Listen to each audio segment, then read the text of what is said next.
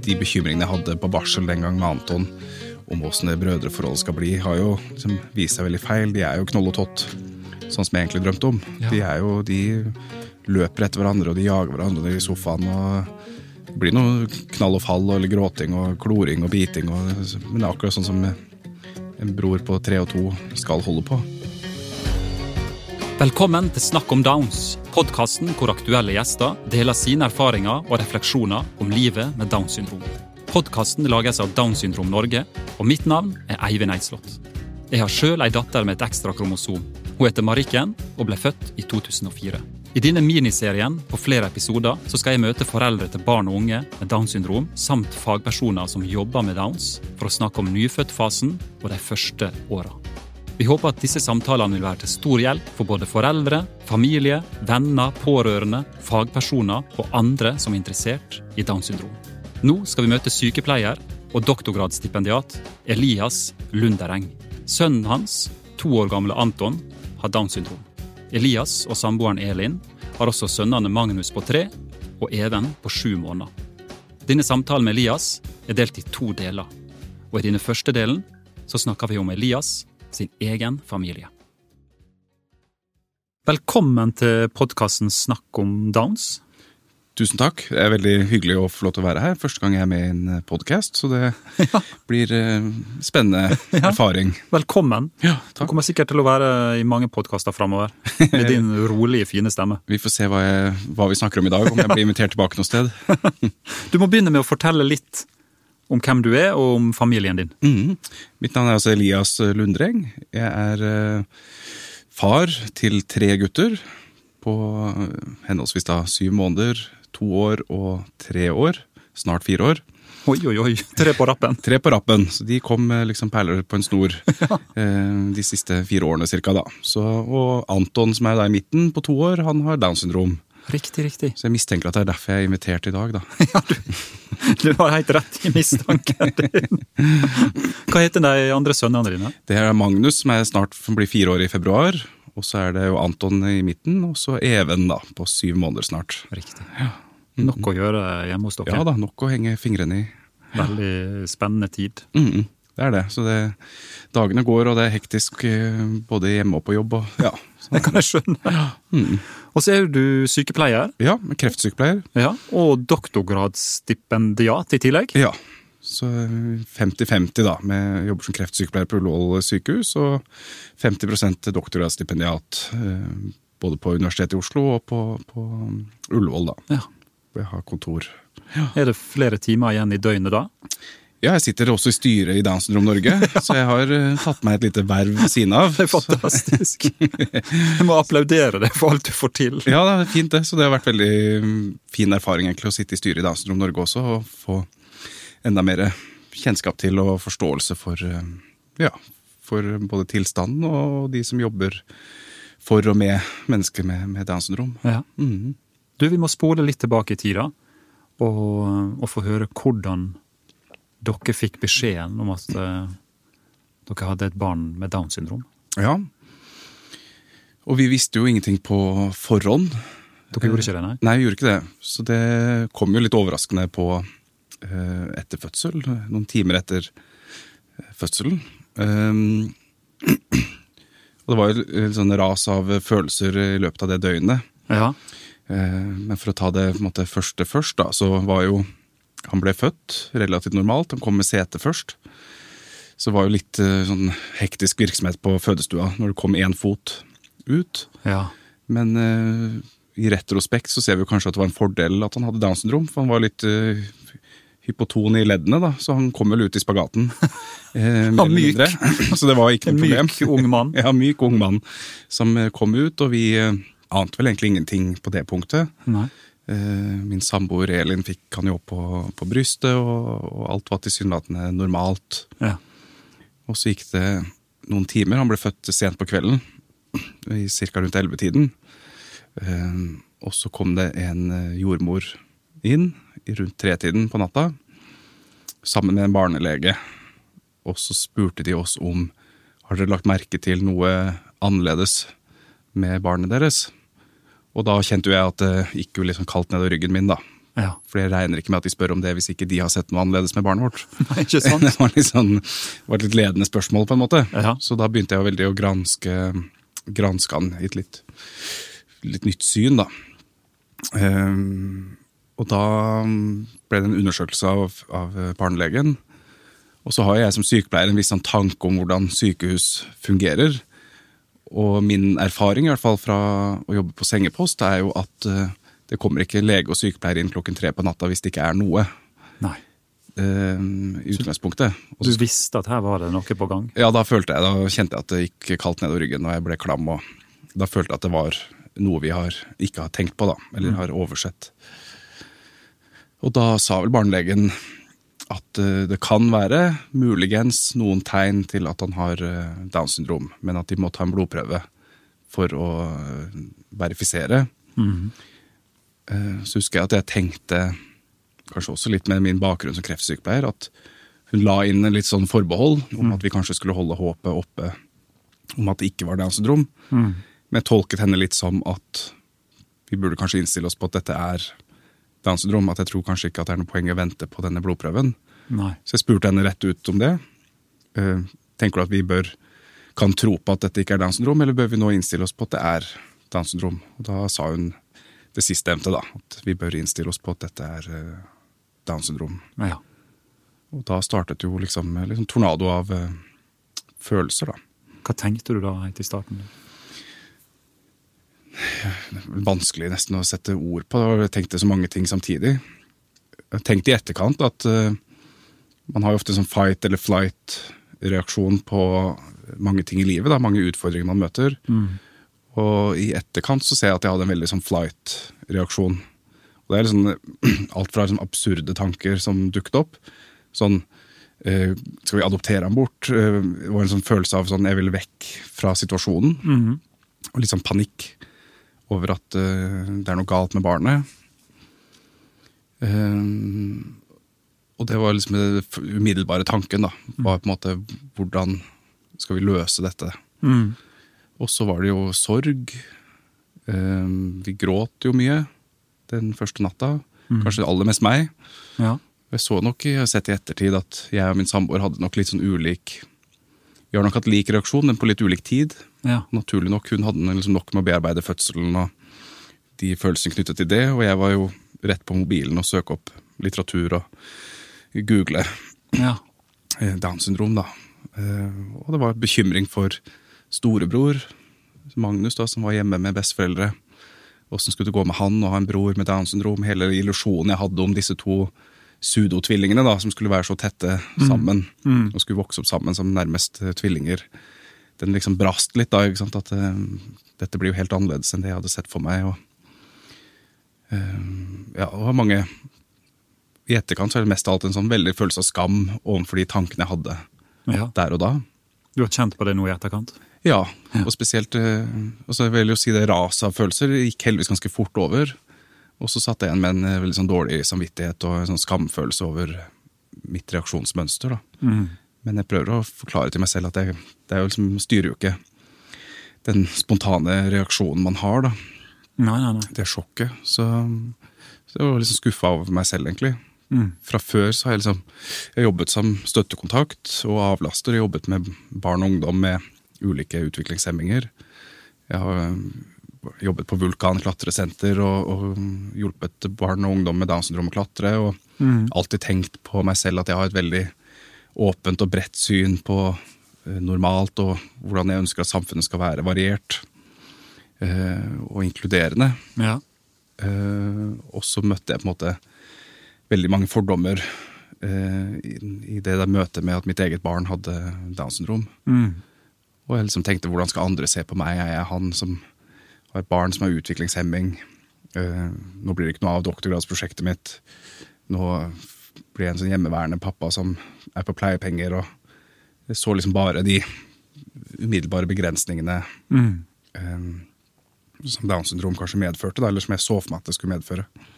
Så selv om du hadde en del erfaring med syndromet, så, så kom alle disse stigmaene og, Ja, og worst case-scenarioer opp? ja. Og jeg tror nok det liksom har med Det er liksom annerledes å se på noen andre som har enten Downs syndrom eller barn med Downs syndrom, og tenke at så, så klart skal eh, de få være med på alt og gjøre alt, og så er det noe med å være i den situasjonen selv. Så um, men Derfor kanskje ble jeg liksom enda mer skuffa av meg selv i etterkant, og, og, kjente jo, når vi da lå på barsel på Rikshospitalet, og liksom støvet hadde lagt seg litt, da, det umiddelbare sjokket, Mm. så kjente jeg på um, litt sånn tristhet. Da. Der lå Anton i, i den plastkrybben sin og, og bare smilte hver gang han hørte stemmen vår, og var så glad for å måtte, Han så bare så glad ut for å være født og mm. være i live. Og så lå jeg og min samboer stort sett og gråt. Eh, Ja, det føltes litt urettferdig ut overfor han. Og ja, det var et, Så den verste følelsen etterpå var jo den følelsen jeg hadde overfor meg selv. Da, at mm. Måten jeg hadde på en måte reagert på inni meg selv. Jeg skjønner. Hva visste dere om eh, Downs syndrom utover det du hadde erfaring med som praktisk da, fra klatrehallen og sånn? Veldig lite. Så jeg visste jo litt fra Klarte å ha på en måte helsefaglig utdanning. At det heter trisomi 21, at det er overuttrykk av kromosom 21. Mm. Og at det medførte en del kognitiv og fysisk funksjonsnedsettelse. Men så var det nok kanskje den stereotypien som dukket opp i hodet mitt, var jo kanskje liksom sånn det man ser på TV. eh, At de ofte er litt sånn gjort litt sånn humor ut av. Tangerudbakken og, og at det var på en måte en Jeg så vel for meg at det var eh, mye begrensninger knyttet til det. Og så er det jo en litt sånn absurd tanke at du sitter her på barsel, og det eneste bildet jeg har i hodet mitt av Anton, er liksom 50 år gammel mann som bor på en omsorgsbolig. jeg klarte liksom ikke å se det som skjer imellom der, da. Nei. Eh, Det er rart det der hvordan man ser så langt uh, i kikkerten. Veldig. Så man eh, så veldig langt frem. Ja. Uh, ja, og det, da ble det liksom det som Det var eneste bildet jeg hadde av Anton da, var på en måte en voksen person med, med veldig nedsatt funksjon. Ja. Så kunnskapen min var jo mangelfull. ja. Og det var jo også grunnen til at vi raskt i løpet av det første året hans så meldte jeg meg inn i Downs syndrom Norge og, og tok meg styreverv. For å få mest mulig informasjon og et miljø rundt dere. Ja, jeg ville bare dykke inn i hva er dette egentlig. Og det er kanskje liksom forskeren i meg òg, da. Ikke sant? At, eh, jeg kjente at dette vil jeg bare nesten begrave meg i. Nå vil jeg bare, dette vil jeg finne ut av. Ja. Eh, Vi vil bli kjent med andre. Vi dro jo på dette Sarpsborg-treffet, som er i regi av eh, den gang het Ups and Downs, Oslo og ja. Bærum. Hvor vi var eh, 20 familier vel til stede. Og Anton var vel to-tre måneder gammel, så vi var jo definitivt yngste som noen gang har vært med på badeland. med, var tidlig. det var tidlig, så Anton fikk jo ikke så mye ut av badelandet. Men eh, for oss var det liksom bare det å, å se Jeg tror det var viktig for oss å bare se hvordan ser hverdagen ut, hvordan ser livet ut Ja. med barn og ungdom med Downs syndrom. ja. Um, ja, Å få et sånt mer normalt syn på, på hva det innebærer. Da. Ja. Kan du huske hvordan eh, du og samboeren din snakka sammen disse, i denne første perioden? Hvordan eh, klarte dere å, å bearbeide det overraskende ved at han hadde Downs syndrom, sammen? Jeg tror vi snakket ganske godt sammen, men jeg tror også at vi begge prøvde å være liksom tapre overfor hverandre. Um, og, Skulle framstå litt modige og, ja, at, og sterke? ja, at dette har vi liksom kontroll på. Så når hun sov, så satt jeg og gråt og leste eh, alt jeg fant på nett om Downs syndrom, og jeg gråt mye til min mor. Ja. også til min svigersøster. Eh, mens når jeg kom tilbake igjen på barsel, så prøvde jeg liksom å holde maska litt. Og jeg mistenker kanskje at hun også til dels gjorde det samme. Eh, prøvde å liksom ja, få motet opp hos den andre, da. Mm. Men jeg tror jo samtidig at vi snakket veldig åpent om, eh, om hva vi tenkte. Og det er først kanskje i ettertid at jeg har vært helt åpen om hva jeg tenkte i den eh, umiddelbare fasen. da. Eh, ja, Og så gråt vi jo mye sammen, men så prøvde vi også å holde litt maska når vi var sammen. Og, og også holde litt maska overfor de sykepleierne og legene som var på, på barsel. da. Ja. Dere klarte likevel å vise litt svakhet overfor hverandre. Altså, vi er jo alle svake mennesker når det kommer til stykket. Og når man får sånne sterke, sterke omveltninger i livet sitt. Ja, jeg syns jo vi gjorde det, men så var det som sagt også at Vi bearbeider nok litt ulikt. Ja. Og det, jeg vet, kan aldri finne ut hvordan det er å føde, men jeg ser for meg at, eh, at det er mye å bearbeide i etterkant bare knytta til det i seg selv. Ja. Både med tanke på smerter og redsel, og, og det med at han kom med beina først, var jo liksom en frykt. Eh, og hun hadde jo kjent litt på det fra før, at hun følte kanskje at han ikke lå helt riktig. Uh, og så er det vel et hormonras i etterkant av en fødsel også, så det er liksom Jeg tror jo også hun brukte lengre tid på å ta inn over seg tilstanden. Mm. Men som meg så var det jo Fødselen var jo for lengst glemt uh, når vi fikk vite om den tilstanden. Da, og da var jeg på en måte rett inn i Alzheimers risiko og kreftrisiko og ja. øh, hjerterisiko og Alle slags statistiske muligheter. Ja, rett og slett. Og hvordan jeg skulle Hvordan blir livet? Ja. Hvordan blir livet hans? For dette var ting, ting du fant når du var inne og googla og, og researcha, så fant du både det ene og det andre? Ja, jeg gjorde jo det. Så, så det var jo mye av det vi, jeg fant da, var jo veldig sånn eh, Informasjon som var sånn nedbrutt i veldig sånn medisinsk eh, statistikk.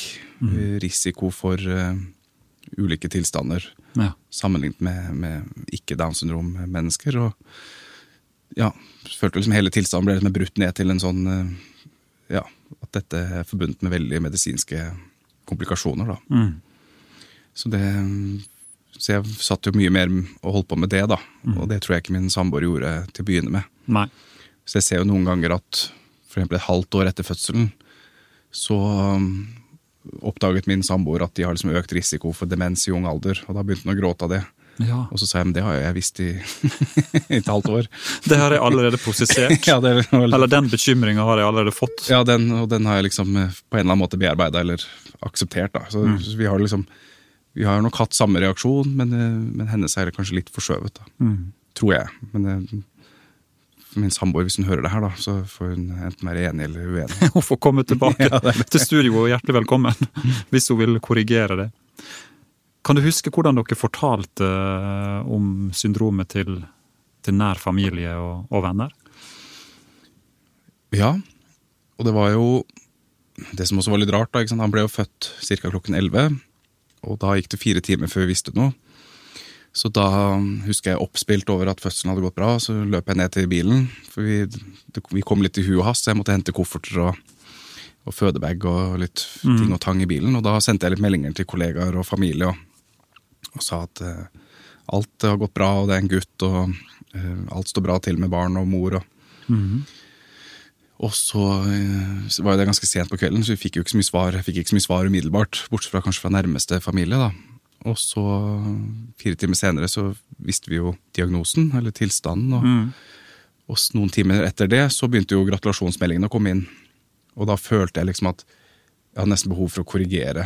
sant, Si at uh, alt er ikke bra, Nei. så du trenger ikke å gratulere engang. Det var en sånn følelse jeg hadde, at uh, her er det ikke noe poeng å gratulere, for han har Downs syndrom.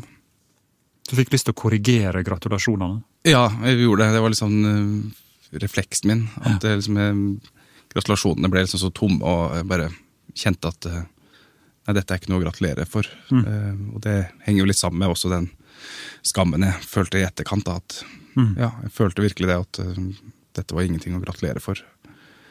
Og vi endte jo opp med å, å bare svare en del av de litt sånn takk, og så sendte vi heller ut en, eh, en litt sånn eh, fellesmelding da, til nærmeste familie om at, at eh, det har ikke blitt helt sånn som vi hadde trodd, men eh, vi skal komme oss gjennom det. Men det tok ganske lang tid før vi skrev til noen at han hadde Downs syndrom. Ja.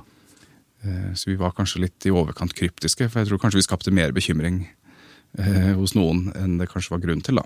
ja, for dere nevnte ikke mistanken om Downs syndrom i den informasjonsmeldinga? Nei, vi var jo skrevet litt mer bare sånn at det har dukket opp ting som gjør at dette ikke ble sånn som vi hadde trodd, eh, men at vi jobber oss gjennom det. Men det er klart eh, Jeg husker eh, vi sendte en sånn tilsvarende melding til min eh, mor. Og, og da tror jeg var min far også, da. Skjønte ikke helt, og de antok jo kanskje at han var døende, eller Når de først skjønte at det var Downs syndrom, så ble de veldig letta Å ja. over at Fordi de tenkte jo det absolutt verste. ja. det hadde frykta Ja, frykta liksom at, eh, Det hadde gått eh, riktig ille, da. Jeg skjønner. Så det var på en måte pedagogisk fint, da, for da ble Downs syndrom ble jo liksom sånn oh, det var jo flaks. det ble en gladnyhet, ja, det ble det. i kontrast til det de hadde trodd. Ja, det er det. Så, og så husker jeg jo også at vi var Mange spør om bilder. Ja. Det er litt sånn eh, klassisk kanskje sånn, i en sånn uh, nyfødt periode. da. Ja. Og jeg kjente at jeg var liksom ikke komfortabel med å sende bilde av han hvor han så veldig sånn preget ut av Downs syndrom. Men du hadde helst ikke lyst til det? Nei, jeg syns ikke trekkene var så veldig synlige til å begynne med, men nyfødte barn er liksom hovne, og de har jo liksom nakkefolder, og det er liksom ikke så lett å se. Men etter hvert som liksom den eh, første hevelsen ga seg litt, så kom jo liksom øynene litt frem, og nakkefolden, og, og da Og igjen, jeg må jo si at jeg er jo sånn skamfull av å snakke høyt om det, men det er jo litt Ja, men Det er så fint at du tør å snakke Ja. åpent om det. det er, Jeg er på en måte åpen med meg selv om det nå, da. Ikke sant? Men at jeg ser at jeg tok jo sånn 20 bilder av Anton fra forskjellige vinkler, og så sendte jeg den hvor han så minst Down ut. Uh, down ut. da. Um, og det ville jeg jo ikke gjort i dag. ikke sant? Jeg, Nei. Hvorfor gjorde du det sånn den gangen, tror du? jeg tror kanskje mest alt bare liksom ikke orket eh, å skape en sånn mistanke hos andre, for det var ikke alle vi hadde fortalt det til. Og så ville jeg liksom, jeg orket ikke at det skulle bli sånn at, at vi sendte bilder hvor han åpenbart kanskje så eh, Downs syndrom preget ut, Nei. og at det skulle føre til sånn hvisking og tisking eh, utenfor. da. Nettopp. At andre skulle si ja, så han ikke litt eh, annerledes ut, eller litt rar ut, han hadde litt trekk, eller Mm. Så jeg hadde bare lyst til å minimere måtte, den type liksom, eh, ryktespredning før Mm. vi var komfortable med å være åpne om at han har Downs syndrom. Mm. Det tok jo liksom litt tid å bruke det uttrykket selv. Ja. Og, og første døgnet så var det liksom hver gang jeg sa det til f.eks. min mor eller andre, så begynte jeg liksom å gråte av å si det. For det ble liksom en sånn, enda en sånn påminnelse på at ja, dette er virkeligheten, og jeg har barn med Downs syndrom. Mm. Hva var det som på en måte var de største bekymringene dine, som, som gjorde at den gråten kom? Det var jo en bekymring for både for han, men også for meg selv og mine personlige ambisjoner og drømmer og ønsker om livet. eh, Og også en bekymring for brødrerelasjonen. Eh, Og første bekymringen som angikk han, var jo liksom hvordan blir livet hans? Blir det nå hjerteoperasjon, PEG-sonde, sondeernæring? Eh, Blir det tarmproblemer? Alt dette jeg hadde lest om, da. Og jeg liksom, husker jeg liksom jeg brøyt ned livet hans i sånn Nå blir det antageligvis Først finner de hjertefeil, sikkert. Og så må han hjerteopereres, og så blir det ernæringsproblemer. Så han må få sondemat. Og så blir det jo rett på leukemi, antageligvis. da. Leste jo det at de hadde så høy risiko for Så da blir det, går vi rett på kreften, og så kommer den tidlige demensen. Og så Du delte livet i sånne ulike tilleggsdiagnoser. Ja, så jeg så liksom bare Det var det jeg så umiddelbart. var liksom bare at det- Ulike sykdomsperioder. Ja, og at det blir livet mitt nå. Blir å være eh, pleier på hjemmebane. Og, Ja.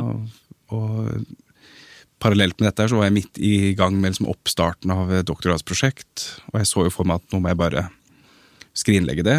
det jeg kan aldri ta en eh, doktorgrad eller ha personlige ambisjoner eh, nå. For nå er det dette som teller. Og, eh, og så var det den, den sånn skuffelsen eller den tanken på liksom, det, den brødrerelasjonen da, som, vi hadde, som jeg hadde så store tanker om. da.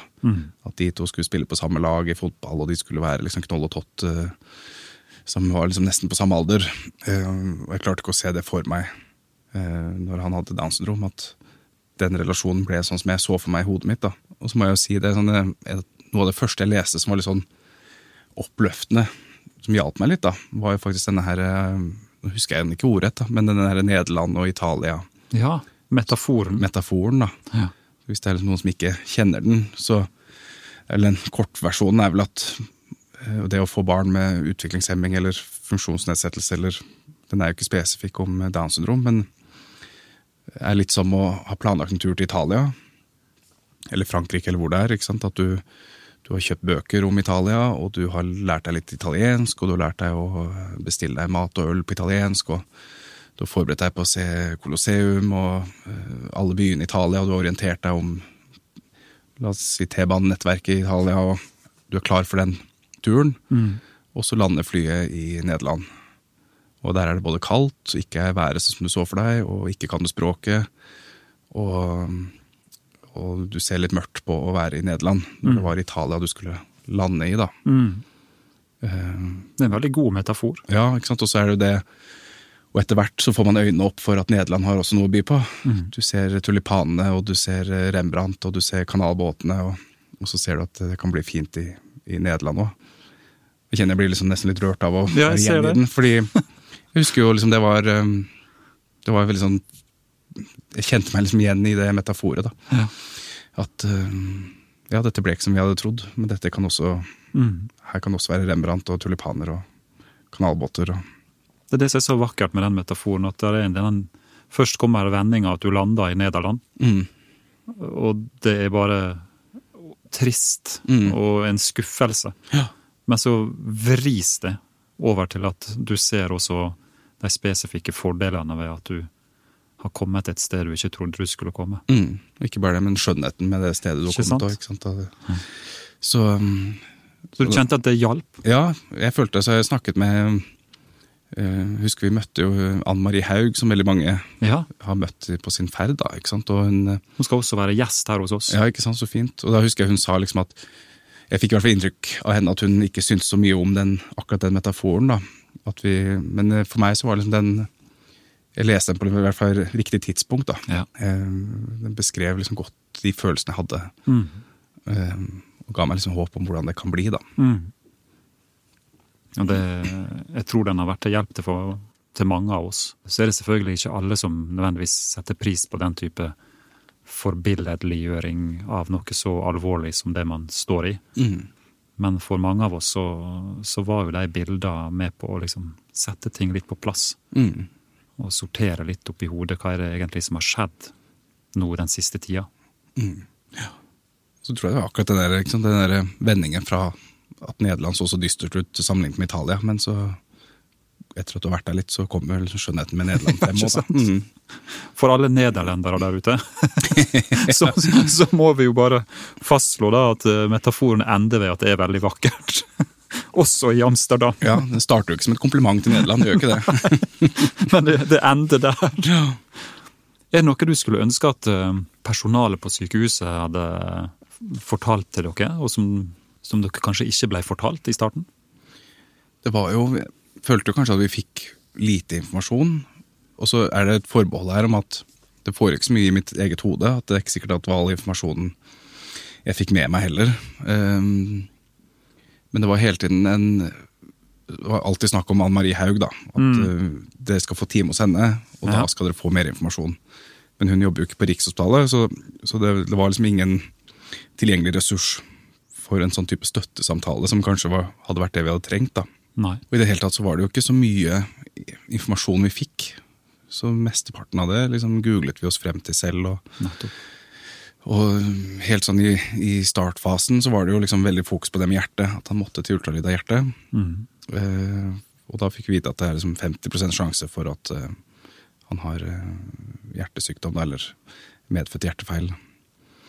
Så det var jo liksom eh, Ja, det var liksom det vi forberedte oss på. Mm. Så hører det med til historien at han eldstefødte han var også født med to hjertefeil. Oh, ja. Eh, Så jeg tenkte jo at eh, da er det jo vel 100 sjanse for at Anton er født med hjertefeil. Eh, Når, ja, for du regner ut rent statistisk. at Ja. Sånn måtte det være. jeg tenkte i hvert fall at da er det kanskje fra før en slags genetikk i vår familie, kanskje. At, Mm. at det kan være hjertefeil hos barn i familien vår. Da. Og når Anton i tillegg da har en 50% sjanse, så, så var jeg egentlig bare innstilt på at da blir det nok eh, Var forberedt på det, da, at det Mm. ble hjertefeil hos Anton. Men det var det jo faktisk ikke. da. Så bra. Så jeg trodde nesten ikke på han eh, eh, hjerteradiologen. da. Nei. Så at er du sikker? For da satt han med en sånn ultralydstav Ja. med litt gelé på brystet til vesle Anton, ikke sant? Ja. Og, og så etter hvordan hjertet oppførte seg der inne. Ja, så ser man jo spesielt på disse klaffene og disse skilleveggene i hjertet, da, om Mm. det er intakt, eh, det som er der. Og hos han var jo faktisk alt intakt. Ja. Mens hos vår førstefødte som ikke hadde Downs syndrom, så var det jo to, to hull i hjertet, da. Ja. Så det, det var litt sånn overraskende. Det var første litt sånn positive overraskelsen, da. var At han hadde jo faktisk ikke noe hjertefeil. Nei. For det hadde dere nesten vært sikre på at han Det var vi nesten bare helt innstilt på, at eh, det blir det garantert. Var det et slags vendepunkt, da, følte dere? Ja, både og. Eh, På en måte så føler jeg for min egen del at vendepunktet allerede var litt før det. Mm. Jeg hadde liksom eh, ofte liksom brutt ned min reaksjon til liksom det første døgnet. Ja. Det var ganske nøyaktig det første døgnet, hvor det var eh, definitivt måte, mest gråt og tristhet og sorg. Og jeg husker jo den første morgenen etter at han var født, så måtte jeg dra hjem og levere eldstemann i barnehagen. Mm. Og da var jeg litt med min eh, mor og min svigersøster, og jeg gråt mye da. Og så skulle jeg dra og, og hente Magnus, da, eldstemann i barnehagen etterpå også. Og var hjemme med han og fikk lagt han, og så dro jeg tilbake igjen på Rikshospitalet på kveldstid. da. Når min eh, mor hadde kommet for å mm. sove hos oss og passe på Magnus. Og da eller sånn, Jeg fortalte til andre, og det høres helt sånn banalt ut, da, eller sånn eh, absurd ut egentlig, men da kom jeg til Riksopptalen rundt titiden, da, ganske nøyaktig 23 timer eh, etter at Anton var født. Og så gikk jeg opp på Riksopptalen, og så hører med til historien at jeg er veldig flyinteressert. da, Veldig glad i fly og helikopter. og Ja. jeg er sånn, Den tolv år gamle gutten inni meg er fortsatt veldig elsker å jobbe på Ullevål, for jeg ser jo rett over på, eh, På helikopterplattformen. så hver gang jeg hører helikopter, så må jeg ut på, se ut av vinduet. da. Også på Rikshospitalet så er jo helikopterplattformen nesten på bakkeplan. Så de kommer ganske mye lavere inn enn på Ullevål. Og da kom det jaggu en luftambulanse rett over hodet mitt idet jeg gikk fra parkeringsplassen opp til Riksen. Og så stoppa jeg opp, og så kjente jeg på en sånn oppspilthet eh, over å se et helikopter. Og på en eller annen måte Igjen, det høres jo veldig sånn absurd ut, men for meg så ble det sånn eh, Det var liksom veldig Det var kanskje det hyggeligste jeg hadde opplevd eh, det siste døgnet. Mhm. Eh, og det ga meg liksom en slags tro på at eh, herregud, dette skal jo gå bra, dette.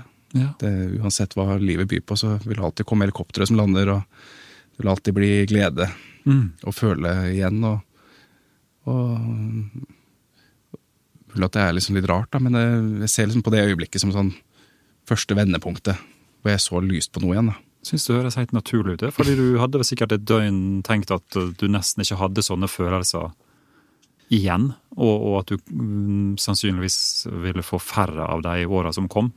Ja. Og så får du et sånt lite øyeblikk av uh, å kjenne på det sjøl igjen.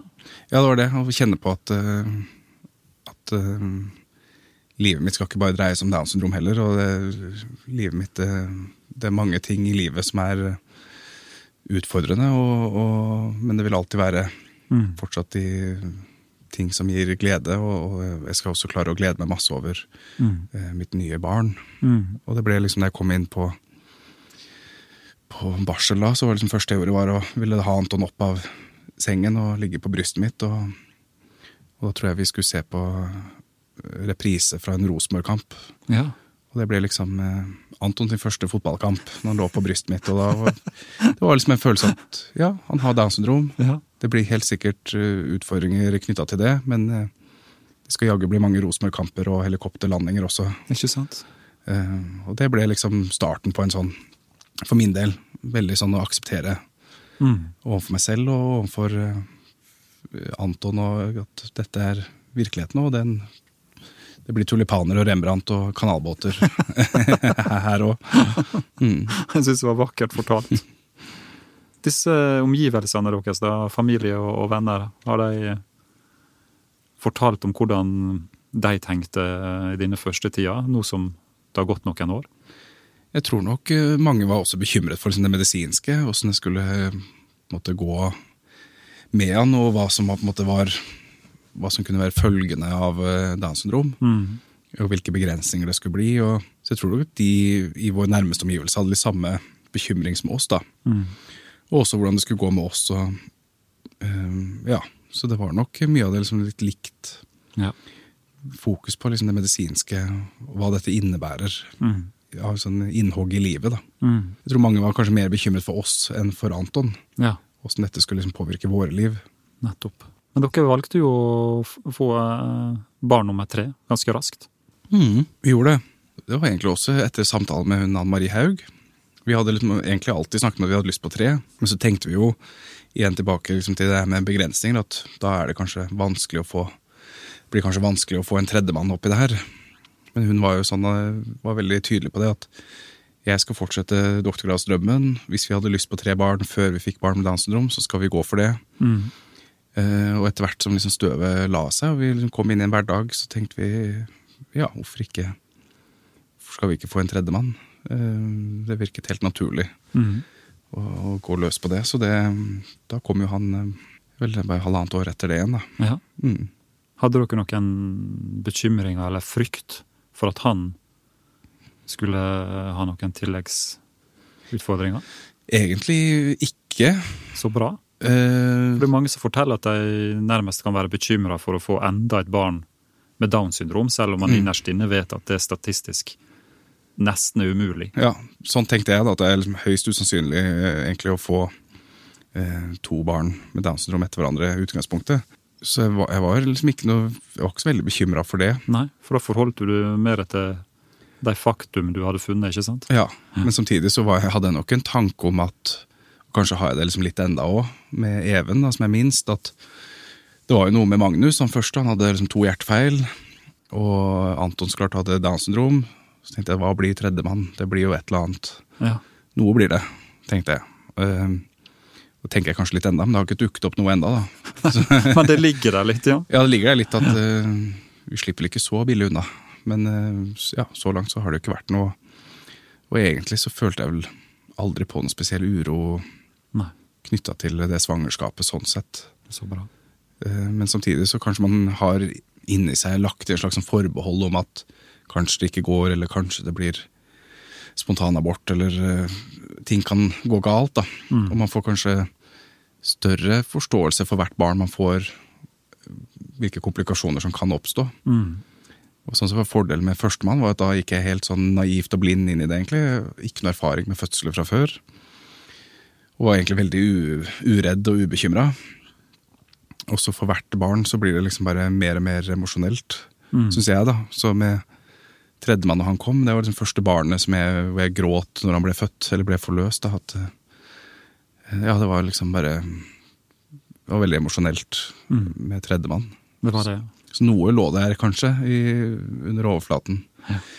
eh, som jeg ikke har reflektert over. Du har jo en del barn, du òg. Vet ikke om du kjenner igjen at, det, Absolutt. at eh, Jeg husker jeg tenkte med førstemann da, at liksom, det blir aldri bedre enn dette, liksom. Den første, liksom Det var liksom peak eh, emosjonell opplevelse. Men jeg føler nesten at det liksom blir mer emosjonelt for hvert barn. Mm. Fordi man er liksom enda mer bevisst på hvor at ting kan gå galt. Jeg tror du har litt rett i det. Ja, at, um, så når Even kom ut og han eh, skreik og ble lagt på brystet, og så bare kom tårene Det var liksom bare en sånn Ja, godt å ha det overstått. Skjønner jeg godt. Hvordan tok Anton det å få lillebror, da? Vi var litt spent på det, egentlig. Ja. Magnus tok det jo veldig fint å få en lillebror, det var liksom ikke noe problem. Så vi var liksom nysgjerrig på åssen Anton skulle ta det, men han eh, krabba rett bort til krybben til Even og ville gynge på han. Og vi fant fort på et tegn til Even, da. Og det tok Anton tok det veldig raskt og begynte å bruke tegnet til Even. Så fikk et eget tegn for lillebror. Ja da, for, for Even. Så det, og Magnus har jo også eget tegn, og Anton har et eget tegn. Da, så da, Så bra. og, um, og brukte liksom tegnet til Even sammen med tegnet til bror. da, og liksom veldig, Skulle veldig mye opp i krybben. da. Men det er Litt sånn uforsiktig, men det var jo for så vidt uh, eldstemann òg? Ja, ja. Litt sånn uvøren. Det må være lov å være litt uforsiktig i den alderen der uansett. ja, det er noe med det. Og, og Anton hater jo dyner og pledd. Ja, Han liker ikke å ha det over seg, så hver gang Even hadde dyne på seg, så reiv han det liksom bare av. For å være grei. Regner med det. Og men det kunne jo, noen ganger så var jo det dyna liksom bretta under han, og sånn, så det ble jo litt, litt sånne r- brå vendinger for en. Ja, ja. Men eh, sånn er det å ha brødre. Absolutt. Det blir full rock'n'roll nå med tre gutter hjemme hos dere. Ja da, Even får kjørt seg, han, så Magnus skal stort sett bære rundt på han, og, og Anton er med, og ja da, så Ja, ja. Even får bare tilpasse seg. Vi har jo begynt å si hjemme hos oss, vi har fire barn, at disse søsknene til Marikken som har down, Mm. de har egentlig eh, enormt mye av, eh, av æren for at eh, Marikken med down har kommet så langt som hun har gjort. da. Uh, og jeg føler at det er veldig mange andre også familier med, med down som, som løfter opp søskenbetydninga. Mm. Tror du det er nesten litt sånn instinktivt også at dere fikk nummer tre såpass raskt. Ja, kanskje. Det var I eh, tillegg til Ann Marie Haug, da, som hadde et romantisk ja. tips. Nei, det var jo Vi hadde alltid lyst på tre. Ja. Elin hadde lyst på tre, og jeg hadde lyst på tre. Og så snart liksom støvet la seg med at eh, Anton hadde Downs syndrom, men vi liksom landet i en slags hverdag, så var det liksom helt naturlig at Ja, hvorfor skulle det forandre det ønsket? ikke sant? Og så ser vi jo veldig Det er jo liksom litt fint også å se at de bekymringene jeg hadde på barsel den gang med Anton, om åssen det brødreforholdet skal bli, har jo liksom vist seg veldig feil. De er jo knoll og tott, sånn som jeg egentlig drømte om. Ja. De er jo, de løper etter hverandre, og de jager hverandre i sofaen. og Det blir noe knall og fall, og eller gråting og kloring og biting, og, men det er akkurat sånn som en bror på tre og to skal holde på. Ikke sant? Akkurat sånn som du drømte om. Ja, det var egentlig det. Så liksom, Når vi ser dem i vill lek i brytekamp på gulvet, så, så er det ikke noe annet jeg kunne sett for meg. på en måte, og det, De er veldig brødre og, Ja. og, har omsorg for hverandre og, og har lyst til å være med hverandre. Eh, Så det Ja, det er veldig fint å se, og jeg tror jo det å ha en storebror må jo være en en gave for Anton også. Ikke sant? Ha en å virkelig strekke seg etter, og, og en å løpe rundt etter, og prøve å lære seg å gå etter, og ja, Mm. en å følge etter. da. Så det, det har jo vært blitt et veldig fint brødreforhold der. Mm. Så jeg føler jo at den bekymringen var veldig ubegrunna, da. Jeg skjønner. Foreløpig. Ja, men det stemmer nok. Mhm. Hvordan ser dere på framtida nå, da, som familie? Ja, klarer vi å tenke så mye fremover? Det er litt, vi er jo litt sånn i her og nå-bildet nå, da. Så, Mm, presens. Ja, det er litt sånn. altså. Det er eh, barnehagehenting og middagsplanlegging. og øh, Så jeg tror ikke vi liksom eh, I hvert fall prøver jeg egentlig å Jeg har liksom blitt litt bevisst på at livet går ganske fort. Mm. Så jeg prøver egentlig å ikke tenke så langt frem òg. Leve litt i øyeblikkene og, og ta dagene som de kommer også. For det er liksom fort at man tenker i fem og ti og 15 års perspektiv hele tiden. Men da tror jeg liksom, min teori da, at da går livet litt fortere. Mm. Så, og de liksom langsiktige bekymringene jeg hadde til å begynne med, de liksom har jeg på en måte ikke lenger i det hele tatt. Så klart vi tenker litt på Nå skal Anton snart opp på storebarnsavdeling i barnehagen. Og det er litt spenning knytta til det. Får han seg venner der? Åssen skal han passe inn? Mm. Eh, får han den hjelpen han trenger der? Åssen vil de andre barna ta han imot? Hvordan skal vi forholde oss til nye foreldre? Skal vi si noe om Anton? Det er jo litt sånne Det er veldig knyttet opp mot liksom en eh, spesifikk milepæl. Mm. Men disse tankene om eh, kreft og demens og De er liksom De har jeg på en måte ikke lenger, egentlig. Nei. Jeg tenker ikke Jeg har ikke det lange livsperspektivet som jeg hadde Nei. det første døgnet. Det er borte nå. Det er egentlig det. Ja. Så det sånn som fordelen med å ha det travelt, da. At man, man rekker liksom ikke å stoppe. Det er mange fordeler med å ha det travelt. Mm. Har dere noen drømmer på vegne av Anton? Ja, og den, eh, det høres kanskje sånn eh, klisjéaktig ut, da, men sånn den drømmen jeg virkelig har på Antons vegne, er jo at han eh, skal ha gode venner. Mm. Han skal ha gode relasjoner. At han skal ha et uh, sosialt liv utenom familien. Det er liksom den uh, ytterste drømmen jeg har liksom for Anton. Da, at han eh, Mhm. skal få et eget selvstendig nettverk og skal klare seg på egen hånd. Uh, ja, skal ha et, liksom et liv utenom oss. Ja. Det, det tror jeg liksom er den største drømmen jeg Det er en har. fin drøm å ha. Ja, og det er litt sånn Jeg husker jo Det var også fra barseltida, da. Så husker jeg tenkte at Anton han kommer aldri til å bli statsminister eller eh, NASA-astronaut. Og, og så begynte jeg å tenke at eh, nei, det kommer jaggu ikke jeg til å bli heller. så, så, og jeg tror jo det er mye mer eh, verdi i mye annet enn å bli NASA-astronaut eller statsminister. Så det, så. trenger ikke nødvendigvis bli et av de to yrka der. nei, det er det. Det fins også andre ting å drive med. Det er mange som eh, snakker om hva barn med Downs syndrom bør lære seg, både i, barseltid og barnehage, og ikke minst skoletilværelsen. Men tror du at vi andre kan lære noe av mennesker med Down? Ja, det tror jeg absolutt. Og jeg tror jo spesielt kanskje dette med å For min egen del få, Jeg har fått et annet syn på hva normalt er, og spesielt på, måte, verdien av å ha et mangfoldig samfunn. Eh, og liksom å, å, å se den betydningen mennesker med Downs syndrom kan ha i samfunnet. Eh, og de relasjonene de kan ha, og de eh, gode båndene de kan få med andre. Og jeg kjenner jo ikke så mange liksom, større barn med Downs syndrom, eller voksne med Downs syndrom, så men jeg har jo kanskje en tanke om at vi som ikke har Downs syndrom, har vi er liksom preget av eh, litt sånn hastverk med livet. Mm. At vi, skal, vi er veldig karrierebevisste, utdanningsbevisste, og vi måler ofte verdien av livet i liksom kroner og ører og prestasjoner. Mm. Eh, og mitt inntrykk kanskje er at, at mennesker med, med Downs syndrom har liksom en helt annen måte å verdsette livet på. da, Verdsetter andre aspekter ved livet eh, enn bare disse veldig så materielle tingene. Mm. Eh, Jeg leste en artikkel for noen år siden som harselerte litt med begrepet 'human race'.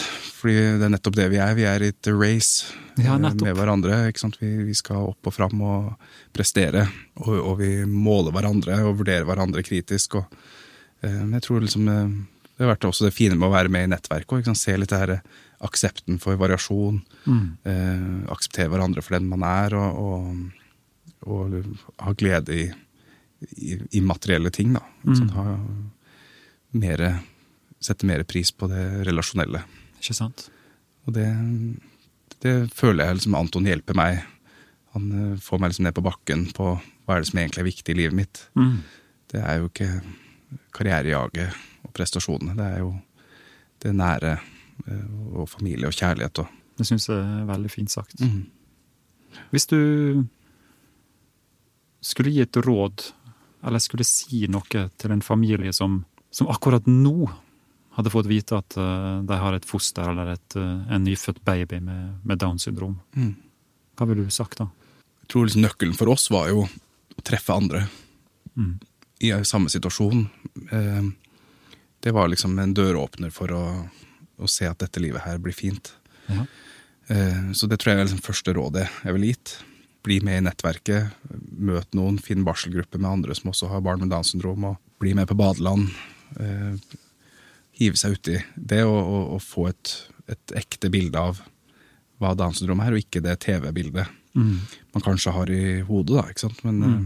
det var kanskje den bekymringen vi hadde, var jo det innhogget i hverdagen dette skulle bli, eller i, i livene våre. Så, og det å da få se hvordan andre lever sine normale liv, eh, også med barn med Downs syndrom, eh, var veldig sånn fint. Ga oss litt trygghet da, i Mm. at mm. dette her skal vi mestre greit. Ja.